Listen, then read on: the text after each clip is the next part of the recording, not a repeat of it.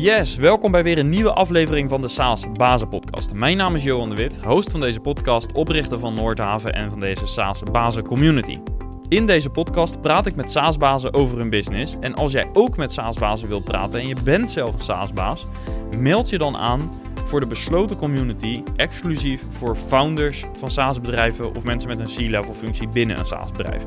Ga daarvoor naar community.saasbazen.nl. Ja, wel weten hoeveel websitebezoekers je hebt, maar geen idee hebben wie het zijn. Voor veel marketeers is dit de praktijk. Ze zien in Google Analytics weliswaar precies hoeveel bezoekers er op de site waren, welke pagina's er bezocht zijn en ga zo maar door. Maar sales wil weten welke bedrijven de website bezocht hebben. En dat kan met Lead Info.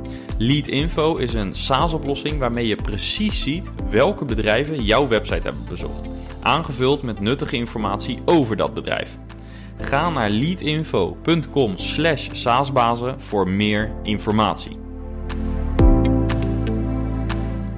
Vandaag praat ik met Peter van der Schaar. Hij heeft, net als veel andere podcastgasten, een achtergrond in een agency. Vanuit die agency werkte hij onder andere voor KPN. En zij kwamen met, het verzoek, met een verzoek rondom een e-mail marketing oplossing. Een verzoek waar veel agency owners misschien op zouden reageren met het antwoord: daar gaan we een tool voor zoeken. Maar Peter dacht meteen aan het zelf bouwen van een tool, omdat ze al maatwerk applicaties maakten vanuit hun agency. En toen hij zich ging verdiepen in het vraagstuk, kwam hij tot het inzicht dat de bestaande e-mail marketing tools voor deze use case sowieso niet zouden gaan werken. Hij bedacht een nieuwe manier om e-mail marketing te organiseren en bouwde ook die tool. Al snel bleek dat de meerwaarde niet alleen voor uh, partijen als KPN interessant was, maar hij zette het dus ook in de markt als los SaaS-product. In dit gesprek hebben we het over de route die hij heeft afgelegd in het begin, vijf jaar geleden, maar ook in de afgelopen jaren en wat de ontwikkelingen zijn geweest. Hij deelt daarnaast ook zijn ideeën omtrent marketing. Voordat we naar het gesprek gaan, speciaal voor SaaS-bazen die recent gestart zijn met hun business, hebben we een roadmap ontwikkeld. Een roadmap naar 10k MRR. Het is een concreet stappenplan om de basis van je marketing op te zetten. Wil je aan de slag met die roadmap? Stuur een mailtje naar roadmap.noordhaven.nl en ontvang hem gratis in je mailbox. Dan gaan we nu naar het gesprek met Peter. Enjoy! Goed, Peter, van harte welkom in de SaaS Bazen Podcast. Dankjewel, leuk om hier te zijn. Ja, bedankt uh, dat je tijd wilde maken om uh, hier naartoe te komen naar de studio. Uh, we gaan het vandaag hebben over je product, ehm, over je bedrijf, Beestdrijver. Maar voordat we daar naartoe gaan, vraag ik altijd om, de, om je even voor te stellen aan de luisteraar, dus bij deze. Ja, ik ben dus Peter van der Schaar, 42 jaar, woon in Utrecht, getrouwd, drie kindjes. mijn vrouw en ik zijn runnen samen het bedrijf. dus dat is voor een SaaS-baas denk ik uh, nog wel uitzonderlijk. En uh, ja, dus bezig met Base Driver en we bestaan nu vijf jaar. Ja, en um, nou, sowieso het samen eh, runnen van een bedrijf hebben we nog niet heel veel SaaS-bazen uh, gezien. Overigens wel eentje die eerder in de podcast is geweest die dat ook doet. Uh, dus misschien kunnen we het daar zo nog eens over hebben. Wat daar dan de, ja, wat je ervaring daarmee is. misschien goed om even je route naar Base Driver te schetsen. we hebben een korte voorbespreking gehad en daarbij gaf je al het een en ander aan. Hè. jullie hebben Base Driver eigenlijk ontwikkeld vanuit een, een agency. kun je daar wat meer over vertellen? Hoe is het product ontstaan? Ja, wat misschien goed is om heel even uit te leggen. Ik ben ongeveer tien jaar nu ondernemer. Daarvoor uh, is mijn achtergrond met name online marketing e-commerce. En uh, verantwoordelijk geweest voor e-commerce voor het high-merk van KPN ooit. En daarvoor uh, formule manager daar. En tien jaar geleden voor mezelf begonnen met een agency. Dat heet inmiddels Marketingmakers. En daarmee maakten we allerlei maatwerk, e-commerce, marketing oplossingen, tools voor een aantal klanten. En vijf jaar geleden kregen wij de vraag uh, vanuit KPN ook, wat uh, op dat moment een van onze grootste klanten was. Van, ja, wij willen graag op een andere manier omgaan met onze e-mailnieuwsbrief. En jullie zijn handig met data en jullie zijn handig met, met tools, dus kun je daar eens over nadenken. En hun probleem was, zij wilden het persoonlijker maken. Dus ze hadden heel veel content en zij verstuurden een nieuwsbrief in 10 of 15 versies. Maar elke versie die ze erbij maakten, moesten ze tijd in stoppen om die personalisaties te maken, om dat te controleren, om te bekijken. En uh, ze zei, ja, weet je, daar, daar komen we dus niet verder mee, want het kost allemaal meer tijd. En die personalisatie gaat verder dan een voornaam, hè? Uh, ja, voor, kijk, voor tuurlijk. Kijk, personalisatie, je hebt natuurlijk inderdaad uh, de voornaam, de subject line en beste, de beste Johan, dat soort zaken. Maar waar het om gaat, is als je heel veel content hebt, hoe zorg ik ervoor dat je de content, juist content bij de juiste persoon krijgt? Bijvoorbeeld in hun geval, als iemand net klant is, hoe zorg je ervoor dat iemand instructies krijgt over hoe die met zijn abonnement om kan gaan en wat de mogelijkheden van abonnement zijn? Of als je abonnement bijna afloopt, hoe zorg je ervoor dat iemand een zijn verlengprocedure uitgelegd krijgt? Als iemand veel op een bepaald genre van een film geklikt heeft, dan wil je hem graag misschien wat meer van dat genre geven. Dat soort voorbeelden. En dat is allemaal heel lastig als je dat op de een of andere manier nog handmatig in een systeem moet zetten. Dus wat hadden we bedacht? Of wat had ik bedacht op dat moment, van, ja, we moeten het eigenlijk andersom aanpakken. De meeste van die e-mail marketing systemen die werken zo. Je hebt een database, dan maak je een selectie. En een selectie van die database die stuur je een document. En je kan personaliseren door of heel veel selecties te maken, of in dat document allerlei regels te zetten. Als je dit hebt gedaan, mag je dat. ik dacht, dan moeten we andersom doen. We moeten niet uitgaan van een selectie, maar van een persoon. Dus in plaats van dat je een database en een selectie hebt, heb je een persoon. En je gaat bij die persoon zoeken, oké, welke content past nou bij deze persoon. En als je dat mechanisme gebruikt, dan kan dus in de basis zo'n nieuwsbrief of zo'n campagne voor iedereen anders zijn. Afhankelijk van welke data je hebt van die persoon en afhankelijk van de hoeveelheid content die je hebt. En die hele personalisatietijd, die valt dan in één keer weg. Want wat het systeem doet, is gewoon voor iedereen kijken... oké, je hebt dit gekeken, je bent zo lang lid, dit is waarvan je weet... oké, deze content is dan voor jou het meest geschikt. Nou, daar komen natuurlijk allerlei regels bij kijken... van hoeveel mag je krijgen en mogen deze wel gecombineerd worden... en wat gebeurt er dan hiermee. Dus het basisidee was heel simpel. De executie was uh, wat lastiger, maar het werkte wel perfect. Zij zagen echt uh, de openingsratio stijgen. Zij zagen heel veel meer personalisaties. Dus dat ging heel goed. En toen dacht ik van ja, weet je, dit is eigenlijk, het principe is goud. Dus laten we kijken of we hier een product van kunnen maken. En dat is eigenlijk het begin van Beestruiver. Dus dat was in augustus 2015. Hebben we gezegd, ja weet je, we moeten op basis van het principe dat je dus niet een selectie en een persoon hebt, maar dat je een persoon hebt en aan die persoon, daar zoek je de juiste campagnes en de juiste content bij. Op dat principe, daar moeten we een campagnetool omheen gaan bouwen. Ja. En daar hebben we in uh, zeg maar november uh, eh, 2015 hebben we daar uiteindelijk de eerste versie van gelanceerd. Heel snel een paar klanten gevonden, dus dat was fijn. We hebben het zelf uh, gefund, hè, dus we hebben geen, geen investeerders. Heel veel mensen die het ons afgeraden hebben van, ja, moet je wel tools bouwen en dat is toch veel ingewikkelder. En dat maatwerk is toch allemaal veel makkelijker, hè, wat we doen. Maar uiteindelijk uh, heel tof. Uh, we hebben nu versturen wij ongeveer zeg maar 30 miljoen e-mailtjes uh, per maand voor heel veel mediabedrijven. Dus bedrijven met heel veel content en heel veel data. Dus dat is een hele mooie ontwikkeling die wij doorgemaakt hebben de afgelopen vijf jaar. Ja, heel knap, heel gaaf. Uh, je praat er zelf eigenlijk over alsof het uh, nou, heel logisch was dat je dat inzicht hebt. Hè? Dus dat je het eigenlijk op een fundamenteel andere manier gaat benaderen. Niet meer vanuit dat een, een, een lijst, maar vanuit nou ja, wat je zelf zegt. Je begint met de persoon. Die persoon heeft bepaalde voorkeuren, kenmerken en daar ga je content bij zoeken. Je beschrijft dat als heel normaal. uh, dat is misschien ook normaal na vijf jaar, maar ik kan me voorstellen dat dat niet meteen een Eureka-moment was, of wel? Uh, hoe ging dat? Nou ja, kijk, dat is natuurlijk heel lastig. Kijk, of heel lastig. In, op zich, ik weet niet meer precies welk moment was dat we dat bedachten, maar het, basisprincipe, dat, dat kwam eigenlijk heel snel al. Moment, in de gesprekken die, die we hadden, kwam al heel erg ja, je moet dit wel op een andere manier doen. Als je het niet op een andere manier doet, dan... Uh, en dan kom je eruit. En het voordeel wat we hadden is dat we niet zo heel veel wisten van e-mailmarketing. Hm. Dus we deden wel ah, dingen met e-mailmarketing, we deden wel dingen met personalisatie, maar we zaten niet helemaal gebakken in. Je had niet de conventies helemaal van dit is gewoon hoe het werkt. En dat hebben we allemaal moeten leren. Dus dat was echt, kijk, wij wisten dus heel veel van personalisatie, maar heel weinig over hoe zorgen wij ervoor dat een e-mail aankomt, weet je wel. Dus uh, uh, op dat aspect hebben we de afgelopen vijf jaar heel veel moeten leren en heel veel achterstand in moeten halen ten opzichte van andere partijen die veel meer verstand hebben over hoe krijg je een mailtje van A naar B dus juist die datakant, dat was natuurlijk waar wij sterk in waren. Dus wat wij hebben moeten doen, is we hebben dat principe hadden we heel snel. Maar vervolgens om van dat principe te komen tot iets wat ook echt werkt. En je moet je voorstellen, de eerste keer dat we dat gingen uitrekenen uh, op zeg maar 100.000 profielen, van welke content past erbij, was het systeem drie dagen bezig. Ja.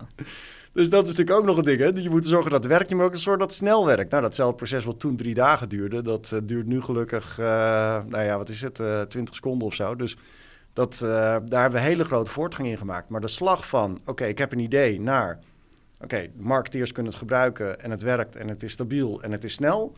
Ja, dat is een dat is, uh, dat is veel grotere uitdaging dan uh, het bedenken van het idee. Hm. Dat is ook een veel grotere uitdaging dan het verkopen van het idee. Wel, wel, interessant, want ik zou eigenlijk zelf zeggen van ja, de technische oplossing die vind je altijd wel.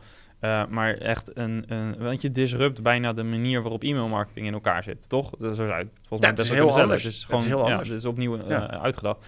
Uh, dus dat vind ik er wel briljant aan. En dat dan de technische oplossing, dat daar... overigens is mail natuurlijk relatief complex om ervoor te zorgen dat je ook in grote hoeveelheden... Want uiteindelijk bij jullie klanten heb je het over grote hoeveelheden. Want als jij 30 nieuwsbrief-subscribers hebt, dan uh, heb je hier nog uh, geen behoefte aan waarschijnlijk.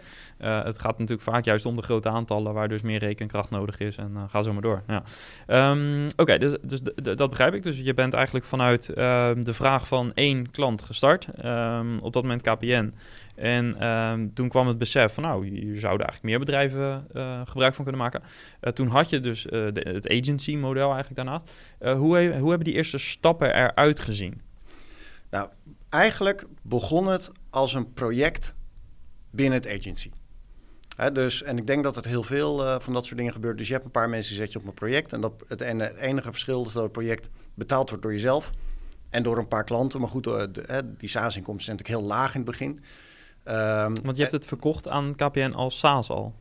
Uh, nee, die was, dat was nog geen SaaS. Maar de eerste klanten die daarna kwamen, dat was wel, uh, die waren wel op SaaS-basis. Dus we hebben... Kijk, mijn uitgangspunt altijd... als je het niet kan verkopen, heeft waarschijnlijk, is het waarschijnlijk niet zoveel waard. Hm. Dus uh, ik ben het eerst gaan verkopen. En het is een beetje een soort running gag bij ons... dat ik de eerste klant, die heb het gekocht op basis van PowerPoint... En uh, dus elke keer als ik een PowerPoint maak, zeggen ze bij ons in het bedrijf ook van nou, uh, waar gaat die nou weer mee komen? maar die, uh, dus we hebben een aantal klanten gezocht die ermee aan de gang wilden. En toen zijn we het gaan bouwen en, en zo zijn we verder gegaan. Maar de inkomsten waren natuurlijk, ja, die je uit de eerste klant hebt, zijn natuurlijk te laag. Dus we hebben het gefund vanuit de agency. In eerste instantie was het gewoon een project voor een aantal klanten wat we zelf betaalden. Daar zijn we overigens ook wel meteen een enorme valkuil in gelopen. Want de, uh, de tijd die het kost om het werk te krijgen was wel veel meer dan we hadden verwacht omdat je dus iets moet maken wat voor meerdere klanten moet werken in plaats van voor één klant. En de volumes zijn hoger. Er komt multi-tenancy bij en dat soort dingen. Precies, er komen allerlei dingen omheen die je eigenlijk bij een maatwerkpakket niet zou komen kijken. Die nu wel heel belangrijk zijn. De klantverwachtingen zijn ook anders. Dus de klant zegt, ja maar het werkt toch, want ik neem een SaaS-oplossing af. Terwijl het voorheen was het, ja maar het werkt niet, ja maar het is jouw oplossing. Dus we gaan het wel bouwen voor je, weet je wel. Dus de, uh, de hele dynamiek was heel anders. En er kwam nog bij dat die mensen die dus aan een uitlopend project werkten, wat uh, we zelf betaalden, ook geen omzet binnenhaalden aan de agencykant. Dus daar heb ik achteraf gezien uh, me behoorlijk in vergist in het feit dat je eigenlijk op twee manieren het geld kost. Enerzijds, het kost geld voor de mensen die je inzet op je SaaS-product. En aan de andere kant verlies je ook geld omdat diezelfde mensen geen omzet maken aan de andere kant. Ja. maar het begon dus als project. Het groeide al wel en in 2017 heb ik gezegd, nou, we moeten het wel uit elkaar gaan trekken. Want het risico wat je loopt is dat je stopt met je SaaS op het moment dat je druk hebt met je agency. dus je hebt een paar risico's. Het ene risico is je SaaS loopt uit en je maakt het niet af. Het andere risico is, hey, agency krijgt veel werk. Uh, dus weet je, dat is lekker werk, uh, goed factureren. Dus uh, we zetten die SaaS even aan de kant totdat we weer tijd hebben.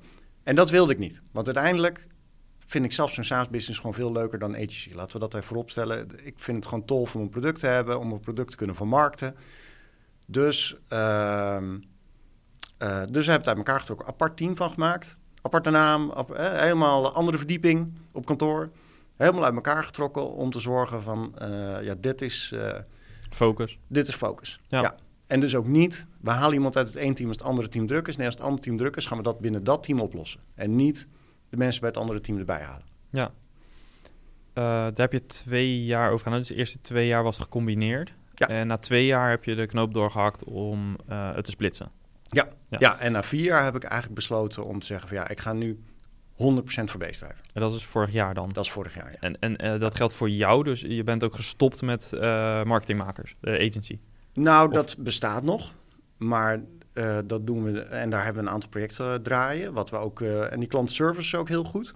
Maar als ik kijk naar mijn commerciële aandacht en mijn focus, uh, is 100% base driver. Ja. Uh, je had een paar podcasts geleden iemand die het voor elkaar kreeg om allebei te runnen. Ja. Hè? Het agency en... Ja, Niels Kallenbach van uh, Route ja, van de, precies, van de routes. Ja. ja. ik kan dat dus niet, heb ik ontdekt. Ik heb dat twee jaar geprobeerd, ik kan dat niet. Ik krijg het niet voor elkaar om allebei te doen. Want dan ben ik de hele tijd aan het schipperen. Dus ik heb nu vorig jaar gezegd, ja, ik ga gewoon al mijn aandacht besteden aan dat wat ik het meest tof vind. En ehm, wat ik het meest tof vind is Base Driver, want dat is een oplossing die dicht bij me staat. En wat ik tof vind is markten. Dus mijn werk wordt uh, voor 85% het in de markt zetten van Base Driver. Ja. In plaats van het, ja, het schipperen tussen twee verschillende organisaties. Ja, nou, dit is inderdaad een heel belangrijk thema. We hebben best wel veel agencies uh, die ook luisteren, agency owners. Uh, krijgen we veel respons van. En uh, eerder, aflevering 30 even uit mijn hoofd, was Robert Leefmans van Notificare was natuurlijk de gast. En die gaf eigenlijk hetzelfde aan als jij eerste paar jaar uh, is het wel gelukt om nog wat te combineren. Maar je merkt dat daar frictie ontstaat. Dat uh, je hebt toch minder focus voor dingen. En hij heeft er ook voor gekozen om inderdaad volledig op uh, SaaS-propositie te gaan zitten. En om de agency uiteindelijk af te bouwen en zelfs te verkopen.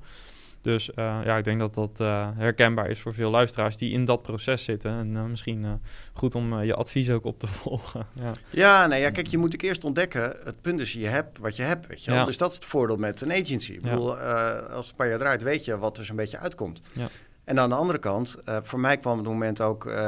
ja, klinkt een beetje midlife crisis-achtig, maar ik, op een gegeven moment werd ik 40. dacht ik ja over tien jaar wil ik dan nog een bedrijf hebben met uh, 20, 25 man die maatwerkprojecten doet? Of wil ik dan een productenbedrijf hebben. Ja, ik wilde liever een productenbedrijf hebben, want dat, wat ik zeg, dat staat dichter bij me. En ik vind het vermarkten daarvan heel tof om te doen.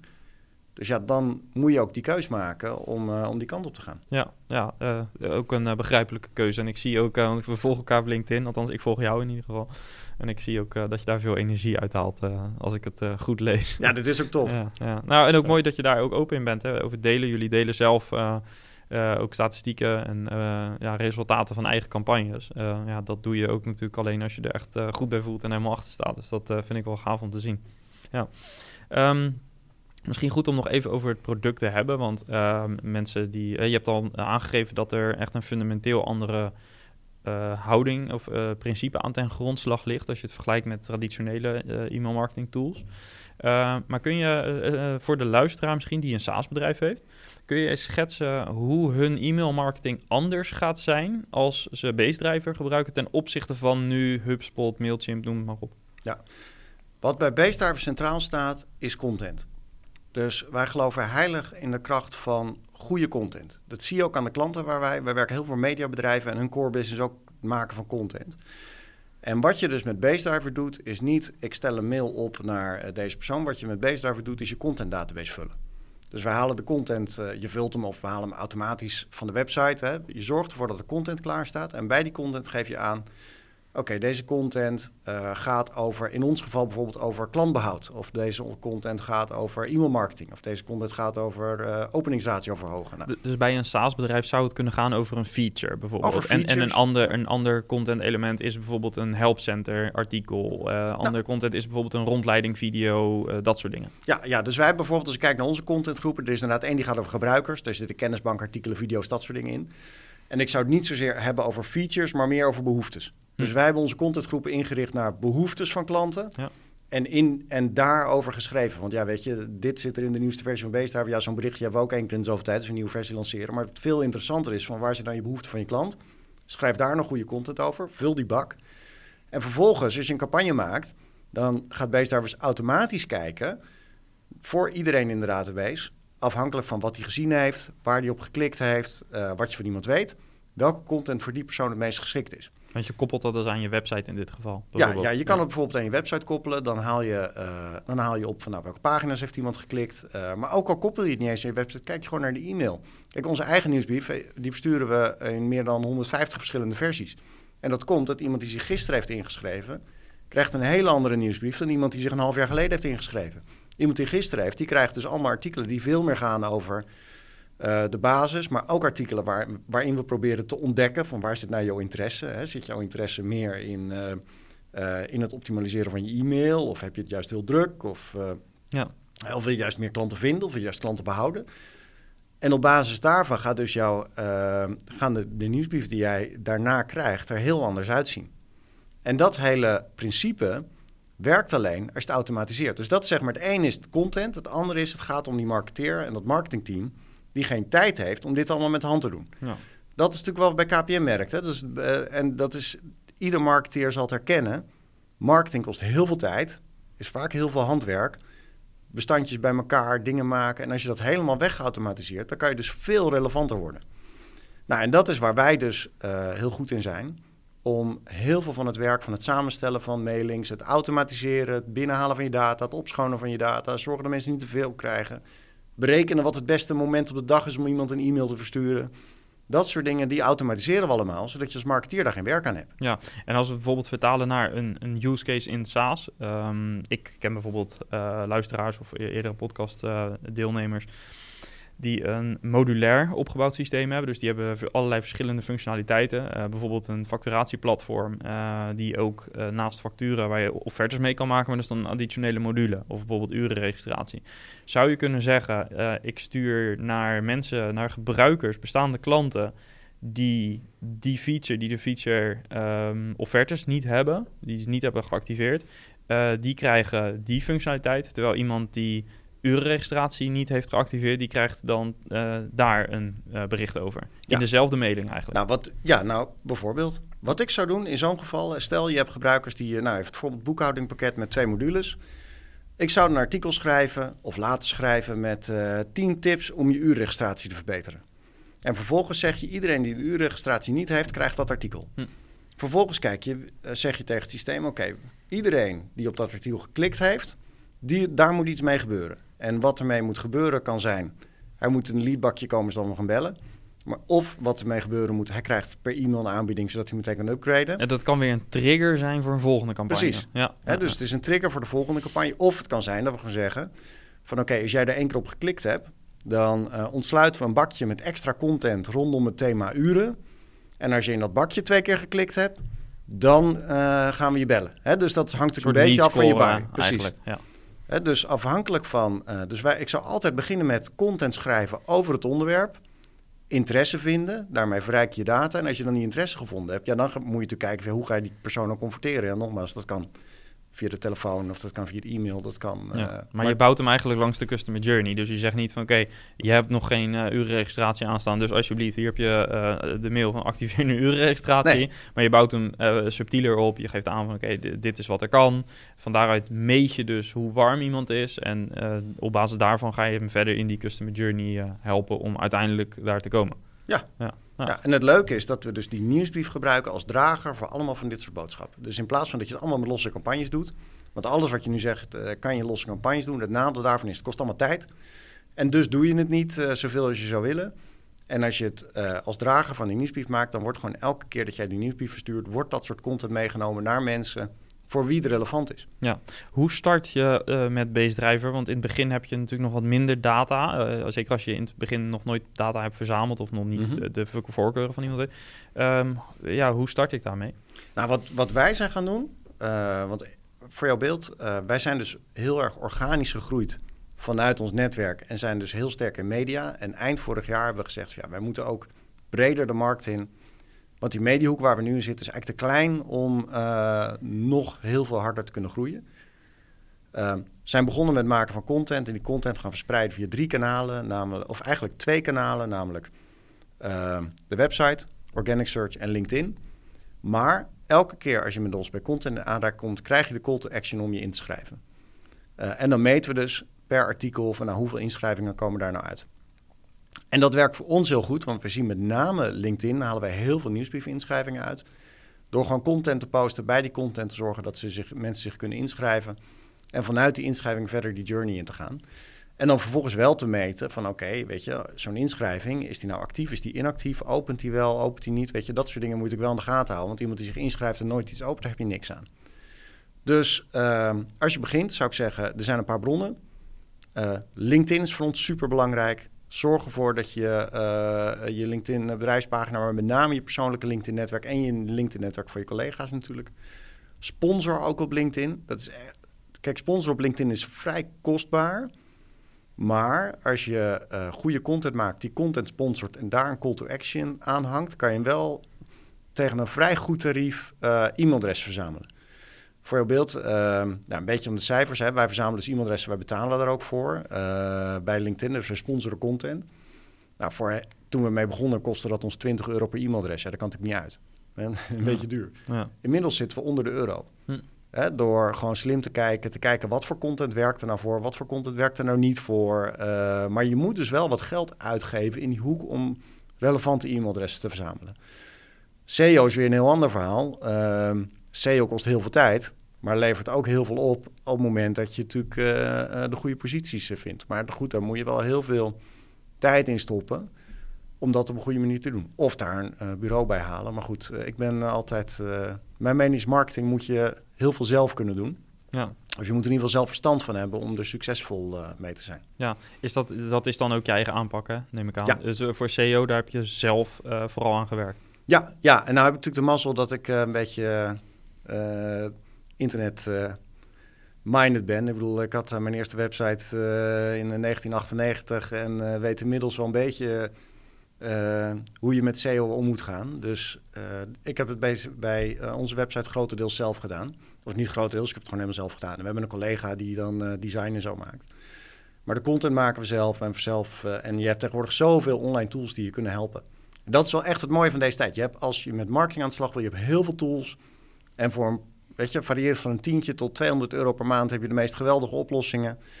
En alles bij ons gericht is op het verkrijgen van dat e-mailadres. Dat e-mailadres, dat komt Driver in. En vanuit dat we dat e-mailadres hebben, gaan we vervolgens door middel van interessante content zorgen dat we bekend worden, dat we bereik genereren en uiteindelijk dat we ook conversie genereren. Uh, ik had het voorbeeld in het voorgesprek al genoemd. We organiseren ook webinars. Uh, begin van het jaar organiseerden we een webinar. Uh, waren we blij met, met 30 inschrijvingen. Inmiddels deden we er in oktober een. Ehm, daar hadden we er meer dan 150. En we zijn er nu een aan, het, aan het houden. En binnen een week hadden we alweer 120 inschrijvingen. Nou, dat allemaal vanuit e-mail en LinkedIn. Dus dat betekent dat als je dit structureel doet, dat je bereik steeds groter wordt. En uiteindelijk van dat bereik haal je dus ook weer je conversie. Ja. Is dat ook een tip die je uh, wilt geven aan anderen? het hebben van focus op een aantal kanalen. Want dat is inderdaad wat, waar we het eerder dus over gehad hebben. Um, wat hoe heb jij die kanalen bijvoorbeeld geselecteerd en hoe belangrijk is dit voor jou geweest? Dat je deze kanalen hebt geselecteerd en daar alles op in hebt gezet. Want je kan ook honderd andere dingen doen. Dat is de andere kant van marketing. Ja, nee, dat klopt. Nou kijk, ik denk dat het selecteren van het aantal kanalen... dat dat heel natuurlijk komt, eerlijk gezegd. Want als je uh, iemand vraagt van... joh, waar haal je nou je klanten vandaan? Dan kunnen ze denk ik uh, heel snel al vinden uh, ze, ja, onze klanten komen via die, of die komen via die partij, of die komen via dit blad waar we in gestaan hebben. Dus ik denk dat de meeste partijen in ons stadium, de meeste zeg maar salesmensen of de meeste founders, als je gewoon vraagt, joh, waar zijn nou je afgelopen drie klanten vandaan gekomen, dat ze meteen kunnen vertellen, dat is in ons geval LinkedIn en de website. Nou, ik zou dan iedereen adviseren om te zeggen, pak die dan en ga daar dan mee verder. Dus als je nou meer klanten zoekt, ga dan niet zeggen, oké, we hebben klanten via LinkedIn en dan gaan we nu Facebook erbij proberen. Ja, dat hmm. kan je beter niet doen.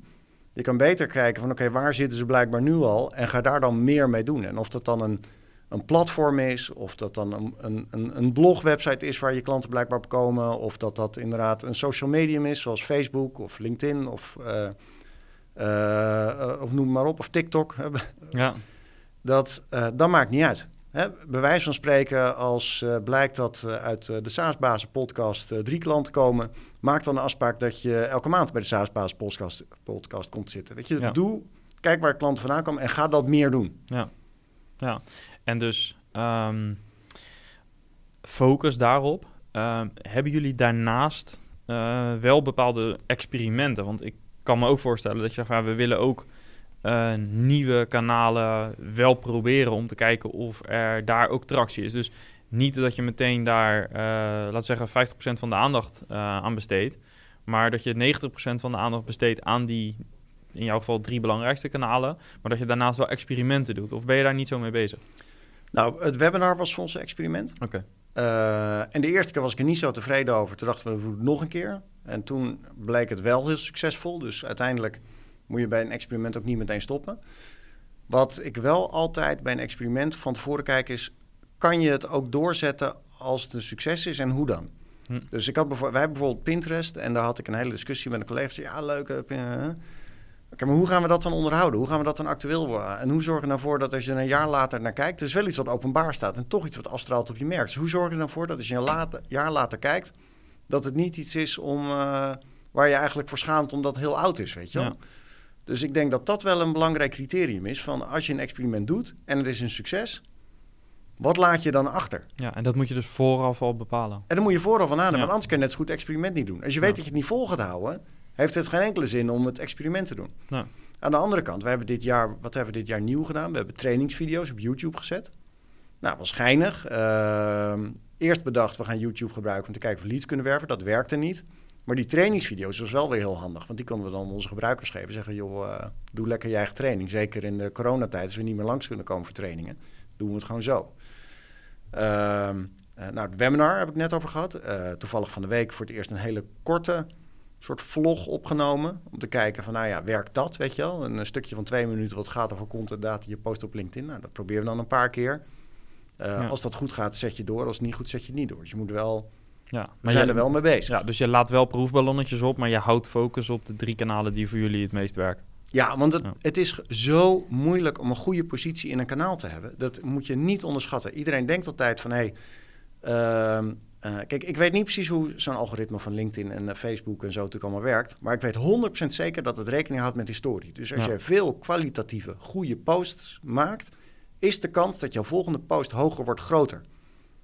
Dus als je dat eenmaal hebt, dan moet je dat ook houden. Weet je, jij hebt het zelf ook. Hè? Met, uh, je bent zelf ook veel met LinkedIn bezig. Ik denk dat jij dat ook merkt. Dat jouw post nu beter gelezen worden en meer bereik krijgen dan uh, misschien twee jaar geleden, toch? Ja, en, en eigenlijk heb je dat natuurlijk met podcast ook al. Hè? Met podcast zie je ook. En daar zit wel een iets ander element aan. Dat is niet per se een algoritme. Maar ook podcast, dan moet je ook wel focussen op de lange termijn. Want een podcast rendeert niet in een half jaar of een jaar. Even los van het feit welk doel je dan ook hebt. Hè? Voor ons is het natuurlijk een naamsbekendheid. Maar het is ook dat heel veel mensen die bij ons in de podcast zijn... dat ze vroeg of laat een keer bij ons terugkomen om te vragen... om mee te denken over een marketingplan of wat dan ook. Um, maar ook uh, onder de luisteraars komt natuurlijk, uh, zijn vaak mensen die zeggen: ja, we vinden het toch wel leuk om een keer ook met jullie te praten. Om te kijken uh, wat zien jullie allemaal in de markt en willen jullie een review doen, dat soort zaken. Um, maar los daarvan zie je dus ook dat je. Um, bij een podcast, jij bent nu vandaag in de podcast, nou, die gaat online. Uh, wij delen met ons netwerk, jij deelt het met je netwerk. En mensen die naar jouw aflevering luisteren, bijvoorbeeld omdat ze collega van je zijn of oud-collega, businessrelatie, familie, vrienden, de, allerlei mensen gaan dat zien. Die vinden het leuk om jou te horen, dus ook in een podcast. En die mensen die zijn misschien ook getriggerd, want daar zit misschien iemand bij KPN die zegt van hé, hey, leuk, een relatie van me, daar ga ik eens naar luisteren. En die is bezig misschien binnen KPN met een heel disruptief initiatief. En die loop door de podcast heen en denk, oh, er zijn meer eh, afleveringen interessant voor me. En op die manier bouwt zo'n publiek zich ook op. Dus daar, dat is, het, is niet per se het algoritme wat daarvoor het momentum zorgt, maar dat momentum dat uh, bouwt wel op door inderdaad steeds nieuwe content te hebben en daar ook op te focussen. En een heel mooi voorbeeld, ik sta er ook volledig achter wat je zegt.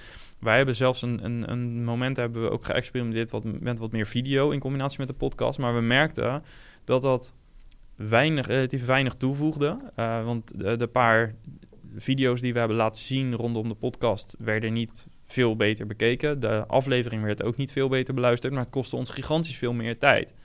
Dus dan ga je op een gegeven moment afweging maken. Als mensen de podcast kennelijk heel erg waarderen en daar, uh, dat proces hebben we denk ik goed, goed in orde, dan kunnen we beter daarop inzetten en op blijven inzetten. En liever dat we daar dan wat beter in worden nog, dan dat we nu ook met video half fabrikaat zijn. Over twee jaar is het misschien anders. Dat weet ik nu niet, maar ik weet in ieder geval wel dat hetzelfde wat jij aangeeft. Uh, dat als je dat momentum hebt, probeer dat zoveel mogelijk te behouden en daarop in te zetten. Ja. Ja. En wat, wat, er, wat er dan denk ik heel erg in ons product ook afstraalt. En het geweldige uh, vind ik van mijn eigen rol. Kijk, ik, ik hou van marketing en ik hou van sales. En ik heb dus ook een product waar dat mee kan. Uh, dus daarmee zijn we meteen ook onszelf onze beste case. Dus dat is, in die zin heb ik uh, heel veel mazzel. Uh, kijk, je hebt marketing op de korte en de lange termijn. Dus als je eh, zeg maar je SaaS-product hebt, je zegt ja, maar ik wil binnen een half jaar drie keer zoveel klanten. Even ervan uitgaan dat je niet van 1 naar 3 gaat, hè, maar en je wil dat heel snel, is er eigenlijk maar één ding wat je kan doen. En dat is geld er tegenaan smijten. Hè? En dan ga je, weet ik veel, op radio en op tv en heel veel op LinkedIn. En dan ga je tegen bureaus zeggen van ik wil per maand 200 leads. En die leads ga je laten nabellen. En uit die 200 leads heb je dan 50 uh, gesprekken en uh, 5 klanten, zoiets. Dat is de ene aanpak. Het nadeel daarvan is, op het moment dat je de zak met geld eruit trekt, stopt het. Ja. Want de hoeveelheid, uh, dus het is ook geen investering. Dus als je kijkt naar bedrijven die zeggen, ja, ik ga investeren in marketing en sales. Ja, dat kan. Maar investeren in marketing is geen zendtijd kopen op de televisie. En is ook geen uh, maandelijks leads inkopen. Want dat is geen investering. Dat is gewoon, zeg maar, rolling business. Dat zijn gewoon uitgaande kosten. Kan prima zijn, hè? Er is er niks mis mee. Want ja, als het je gewoon klant oplevert en zeg maar het rendement is goed, is, niks, is dat niet erg. Waar wij het is niet schaalbaar. Maar het is niet schaalbaar. Nou ja, het is schaal. Kijk, op het moment dat je minder uitgeeft voor een klant dan dat je oplevert, kan je het misschien nog wel meer doen. Dan kun je ook tegen dat bureau zeggen: doe maar 1000 leads in plaats van 500. Weet je, dus. Maar het is wel heel erg afhankelijk van uh, de hoeveelheid budget die erin stopt. Ja. Waar wij voor kiezen is marketing, zeg maar low-cost marketing. Dus marketing gericht op de lange termijn.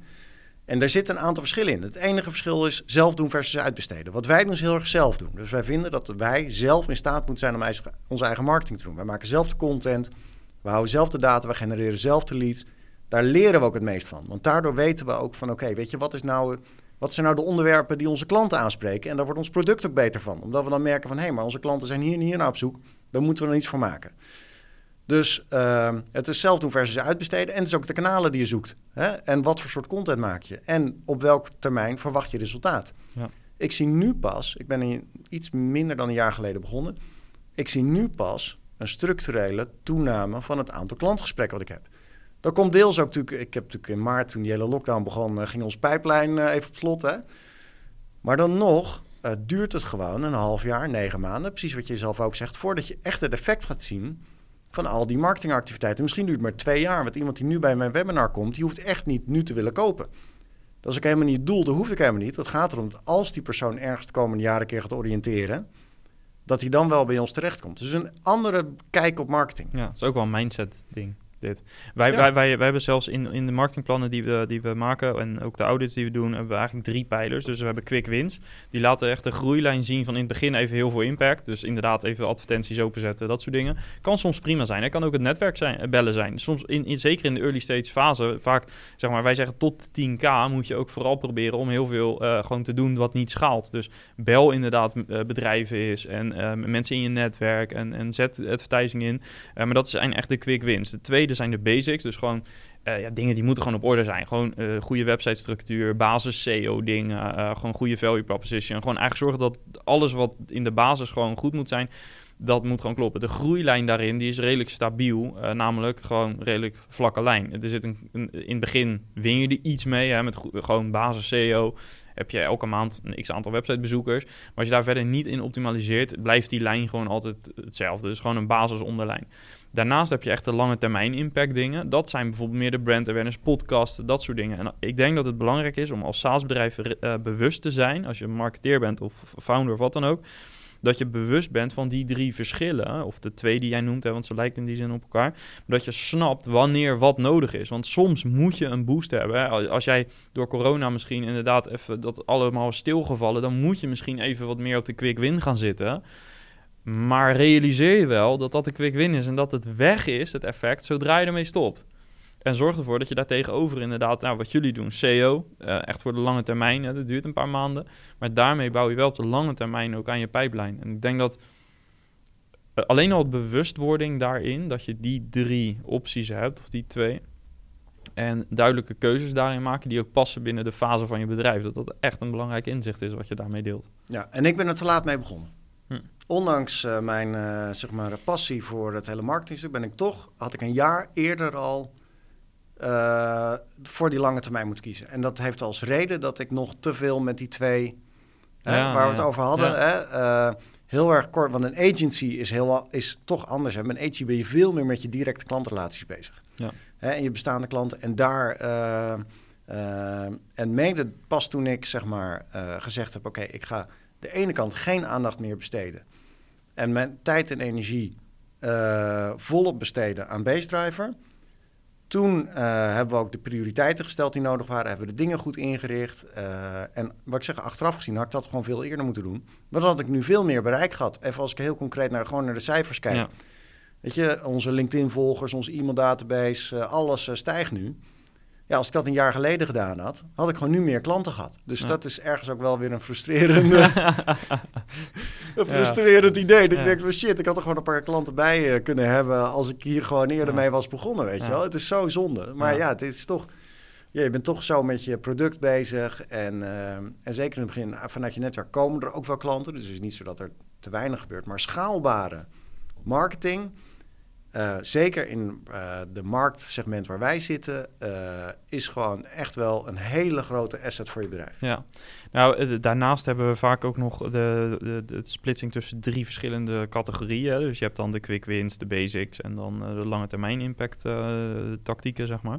Daarnaast zeggen we eigenlijk ook altijd, eh, kijk of je een combinatie kunt vinden tussen inbound, outbound en referral. Eh, dat zijn ook nog drie pijlers waar je naar kunt kijken. hè. Dus Ja. wat jullie natuurlijk, eh, ja, jullie, jullie ademen inbound, hè, heel veel kwalitatieve content, waardoor echt mensen op het moment dat ze klaar zijn voor een aankoop of überhaupt oriëntatie, dat ze bij jullie uitkomen.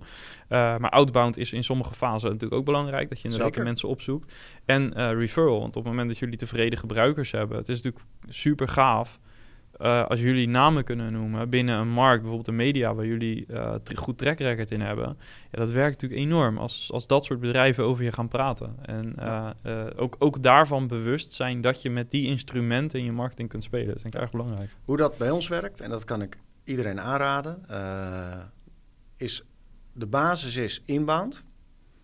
Dus zorgen dat je bereik genereert op je eigen kanalen. Ehm, daaruit selecteer je de mensen die je outbound gaat benaderen. Kijk, het is ook niet zo dat iedereen ons belt van mogen we alsjeblieft klant worden. Laten we daar eerlijk in zijn. Heel vaak moet je die laatste stap toch zelf zetten. Alleen, de vraag is, ga je willekeurig eh, zeg maar, eh, in de LinkedIn Sales Navigator een eh, query maken en al die mensen een, een mail sturen?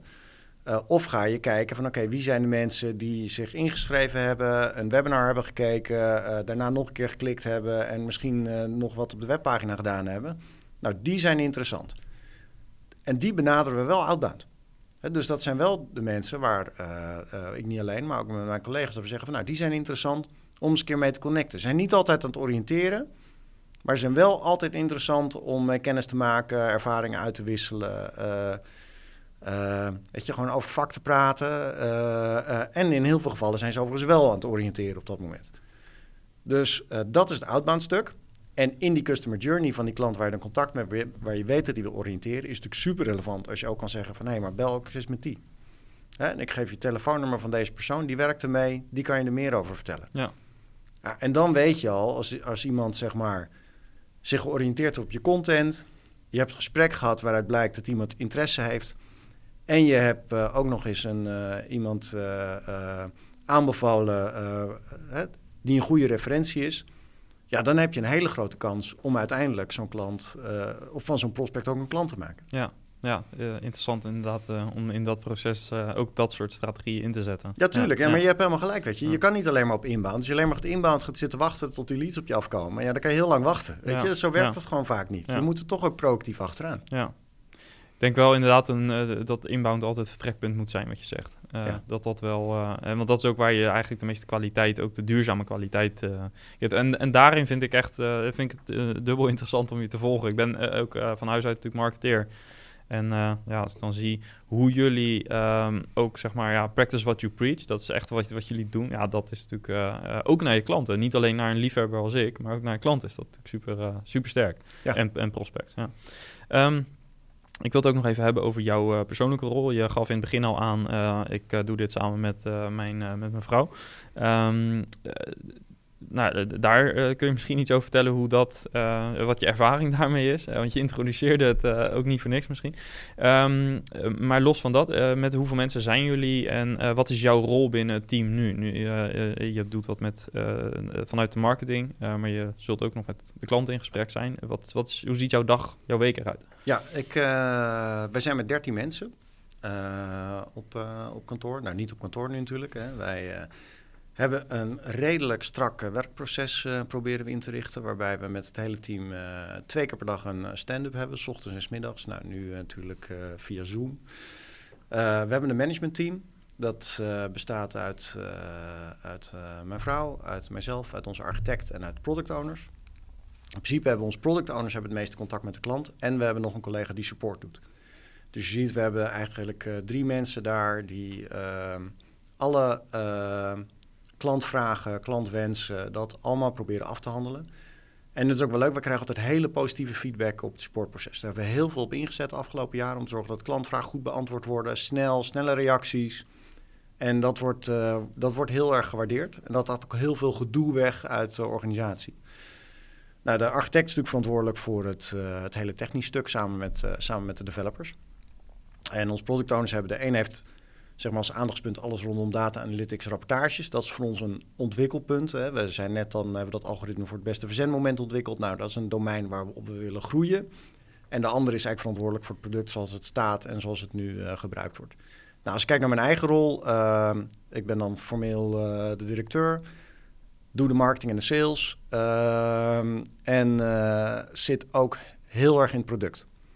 En dan gaat het met name over nieuwe features.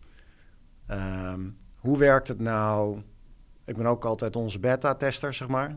Want alles wat we doen, uh, voordat we het aan een klant uh, uh, leveren, wil ik het eerst zelf uitgeprobeerd hebben in onze eigen campagnes. Dus daar zit natuurlijk het voordeel dat wij ja, ook zelf. Ja, ja dat, is, dat is het leuke, dat wij zelf de belangrijkste gebruiker zijn. Of de belangrijkste niet, zeker niet de belangrijkste, maar wel.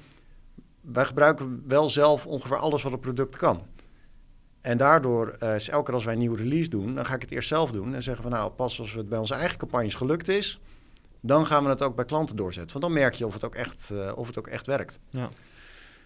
En ik zit natuurlijk heel erg in. Uh, het, het, het mooie is dat als ik denk van hé, hey, ik heb iets, hoe het eigenlijk werkt met productontwikkeling bij ons. ik praat wel veel met klanten. Er zijn een paar klanten waar ik heel veel contact mee heb. Van goh, waar ben je nou mee bezig? Hoe werkt het nou? Wat ben je nou aan het doen? En ik heb natuurlijk mijn eigen wensen van, nou ja, maar ik zou eigenlijk dit en dit willen kunnen. En dat kan nu niet. Nou, dan bel ik een paar van die klanten en zeg, joh, ik zou dit en dit willen. Zullen jullie dat ook willen? Je, zou dat, ja, dat is interessant. Nou, en dan gaat het op de productroadmap en dan wordt het verder, uh, wordt het verder uitontwikkeld. Dus dat is ook... Dus ik ben ook heel erg in het productontwikkelproces uh, bezig. Dus ik ga er een beetje dwars doorheen. Ja. Uh, maar uiteindelijk, mijn belangrijkste focus is marketing en sales. En uiteindelijk ook ja, besluiten nemen van dit doen we wel, dat doen we niet. Dat is wel een hele essentieel onderdeel van mijn rol omdat je ziet dat iedereen vaak veel wil. Ja, je moet ja. op een gegeven moment wel besluiten van... nou, weet je, wat zijn de dingen die we doen? Wat zijn de dingen die we niet doen?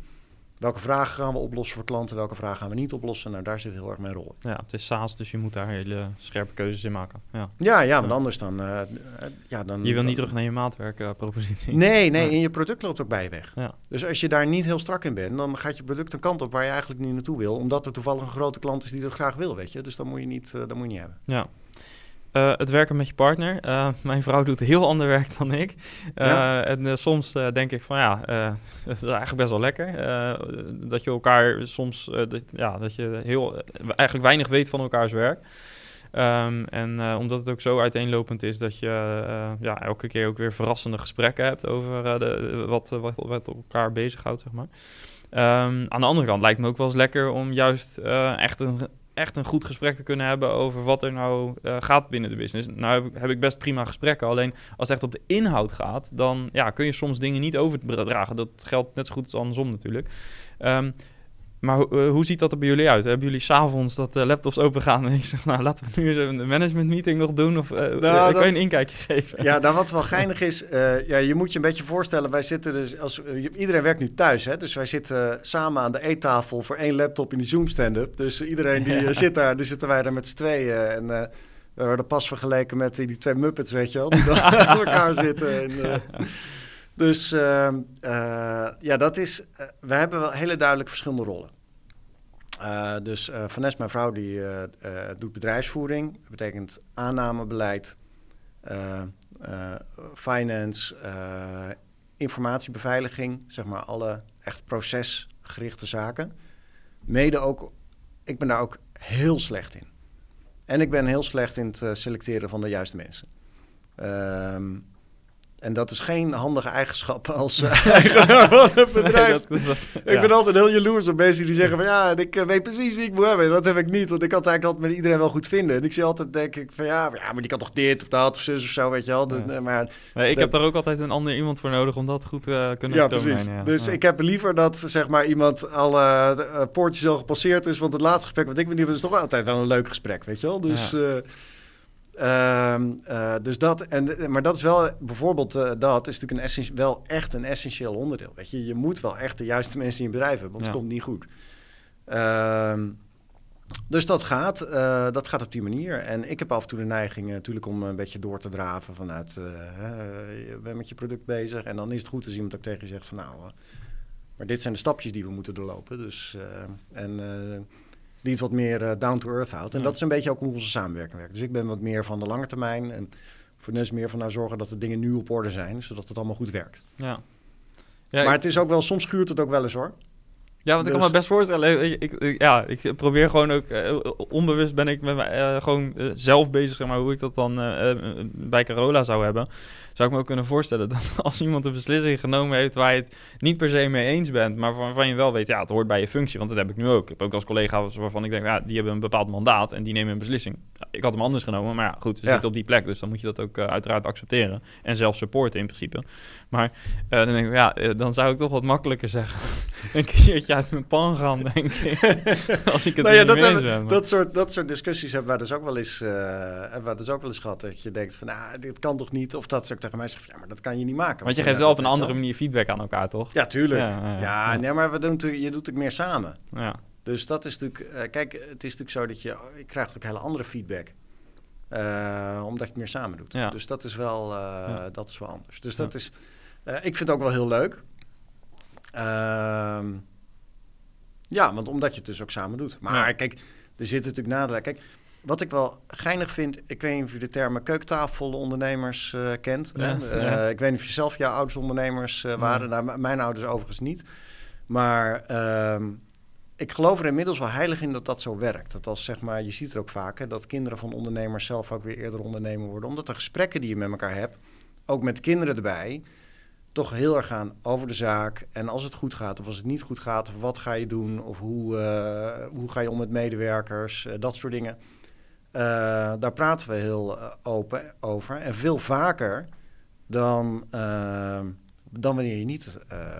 nou, precies, dat bedoelde ik ook. Hè, hetzelfde dat, bedrijf zo werkt. Ja, precies. Ik hoor heel veel verhalen over haar werk. En zij hoort veel verhalen over mijn werk. Maar die de, daar zit, um, om de, ja, ik kan haar geen feedback geven over hoe goed of hoe slecht een keuze was en andersom. En dat hoeft op zich ook niet, want die rol heb ik niet. Ben in, in de eerste plaats ben ik gewoon natuurlijk, uh, ben je levenspartner.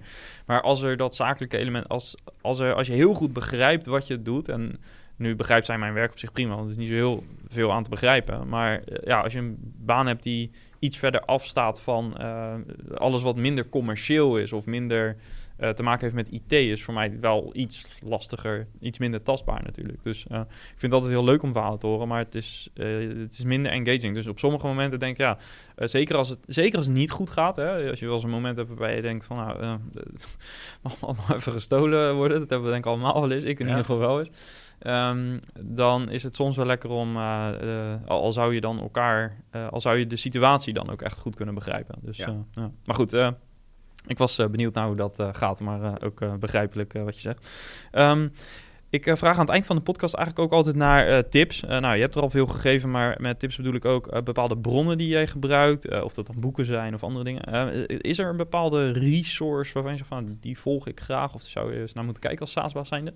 Nou, als ik qua boeken volledig platgetreden pad in jouw podcast is natuurlijk uh, Scaling Up. Ja. Uh, dus ik schaamde me bijna om te zeggen. Maar als je zegt, is er eentje die je vaak bijpakt, dan is dat wel zo ja, eigenlijk. Niet voor niks, denk ik. Uh, nee, omdat daar ja, heel veel focus op operationele executie. wat altijd bij mij blijft hangen, is dat Vern Harney zegt dat je minimaal 25% winst moet maken om gezond te zijn.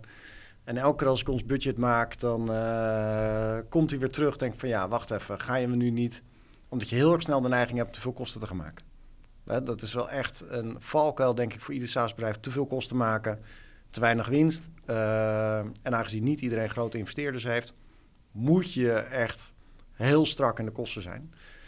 Dus uh, dat is er echt een. Ja, voor de rest volg ik heel veel uh, blogs. Ehm, kijk, ik heb zelf... Ehm, ik gebruik Flipboard. Ken je misschien ja, zo'n... Ja, ja. Heel oud al. Zijn misschien nog heel mooi. Bestaat denk ik al, al tien jaar of zo. Maar daar heb ik een aantal websites in zitten, variërend van uh, Business Insider tot Mashable, VentureBeat. Uh, noem het allemaal op, allemaal gewoon resources van uh, tech en, en een beetje marketing. En dat, daar lees ik wel elke dag in. Als je er eentje mag kiezen om te delen met de luisteraar, welke zou er dan uh, op het lijstje staan? Ja, dan zou het denk ik zijn uh, Wired. Oké, ja, ja. Heel anders. Niet zozeer op de marketing, maar wel omdat het wel heel leuk je blik verbreedt. Ja, ja juist perspectief. Ja, precies. Ja. Ja, En ik denk dat dat ook wel heel goed is voor, uh, om een beetje naar andere dingen te kijken. Niet alleen in de bubbel te zitten van nee, SaaS of marketing. Nee, precies. helemaal goed. Ja. Uh, goed, wilde je tot slot nog iets delen waar ik misschien niet naar gevraagd heb? Nee, ik denk uh, dat, je het redelijk, uh, dat we het redelijk gehad. We hebben het gehad over, uh, over marketing. Ja, nou, we kunnen het. We, over, ik denk dat wij samen best een aflevering van acht uur kunnen maken daarover. ja, Probeer het toch ook nog een beetje licht verteerbaar te houden voor de luisteraar. Ja. Nee, snap Alright, ik. mooi. nee, helemaal goed. Ja, dan wil ik je bedanken voor het inkijkje wat je hebt gegeven. En gaaf om ook jou weer te horen zeggen van agency naar SaaS-bedrijf... dat daar voor jou op een gegeven moment een moment zat... dat je echt voor het product hebt gekozen. Um, en dat je daar ook nou, heel erg happy mee bent. En dat jullie ook, uh, nou ja, uh, eigenlijk de discussie of het gesprek wat we hebben gehad over de kanalen is denk ik heel waardevol. Zeker ook met jouw ervaring, want niet iedere SaaS-baas heeft het geluk dat hij een marketingachtergrond heeft. Ja. En dat is natuurlijk, ja, als het gaat om lead generatie. Daar hebben ze jou voor, toch? ja, maar kan, het is toch wel fijn als je het zelf ook wel in de vingers hebt. het is, en je kunt alles inkopen. Maar uh, ik denk dat het uh, ja, wel fijn is als je dat gevoel zelf ook uh, hebt. En meest, in de meeste founding teams zit natuurlijk wel een commerciële rol. met, met ook commerciële ervaring. Maar toch is het fijn als je je product ook zelf kunt gebruiken. Want dat is nog een extra dimensie die jullie dan ook nog eens hebben. Ja. dat is ook niet voor ieder SaaS-bedrijf natuurlijk mogelijk. Nee, en als ik dan toch nog één laatste tip zou moeten geven. Kijk nou, als je naar je organisatie kijkt. Niet alleen, haal marketing en sales niet door elkaar. Want sales is natuurlijk heel erg outbound gefocust, korte termijn. Hartstikke hard nodig. Uh, en marketing moet uiteindelijk zorgen voor uh, de juiste bron, zodat je sales aan de slag kan. Maar als je een marketeer alleen maar laat aansturen door sales, dan loop je heel snel in de valkuil dat je alleen maar geld bent uitgegeven aan bureaus die uh, eh, 100 leads per maand voor je binnenhalen via allerlei media. Dus hou ook mensen in je team die die lange termijn marketing willen doen. Want ja, ik geloof er heilig in dat je op zo'n manier schaalbaarder bent en succesvoller bent. Dus zorg er echt voor, kijk in jouw team van wie is er nou verantwoordelijk voor die lange termijn eh, marketing. En laat het niet zo zijn dat zeg maar, uh, de salesbaas iemand bijhaalt op het moment dat hij uh, meer leads nodig heeft, die vervolgens alleen maar daarop gaat focussen. Dan ben je eigenlijk al te laat. Ja, dan ben je eigenlijk te laat. Ja, ja. dan ben je te laat. En dan kan je er wel heel veel geld tegenaan gooien. Maar iedere lead die je niet converteert, loop je het risico dat je hem irriteert. Hè, omdat je iemand benadert die er geen zin in heeft. Uh, dus je kan beter mensen positieve aandacht geven door ze ergens voor uit te nodigen en positief in aanraking te komen. Dan negatieve aandacht door ze met iets te benaderen waar ze helemaal geen interesse hebben. Ja, nou, mooie afsluiting denk ik. Dankjewel. Jij ook bedankt. Yes. Ervaar jij het doen van salarisadministratie als gedoe? En vind je het net als heel veel andere ondernemers tijdrovend om je boekhouder te moeten mailen over nieuwe werknemers, contractverlengingen en salariswijzigingen? Ontdek dan hoe je je salarisverwerking op een andere manier kunt doen, namelijk met de moderne SaaS-oplossing van Employes. Daarmee heb je zelf de touwtjes in handen. En zo aan het eind van het jaar is dit het perfecte moment om over te stappen. Ga naar saasbazen.employes.nl om je account aan te maken. En als luisteraar van de SaaSbazen podcast krijg je bovendien drie maanden helemaal gratis. En ben je zelf ook een SaaSbaas en wil je in contact komen met andere SaaSbazen? Meld je dan aan voor de community via community.saasbazen.nl. Je staat daar rechtstreeks met andere SaaSbazen in contact en daarmee versnel je natuurlijk je eigen leercurve en kun je elkaar verder helpen met vraagstukken en problemen waar je tegenaan loopt. Of ben je net gestart met je SaaS-business en wil je uh, onze roadmap uh, naar 10k MRR ontvangen? Stuur even een mailtje naar roadmap.noordhaven.nl. Vond je deze aflevering interessant en uh, wil je deze aflevering delen met je netwerk? Doe dat dan via LinkedIn of via de podcastspeler van jouw keuze. Deel de link of plaats een review. Voor nu, bedankt voor het luisteren. Tot de volgende week. Ciao!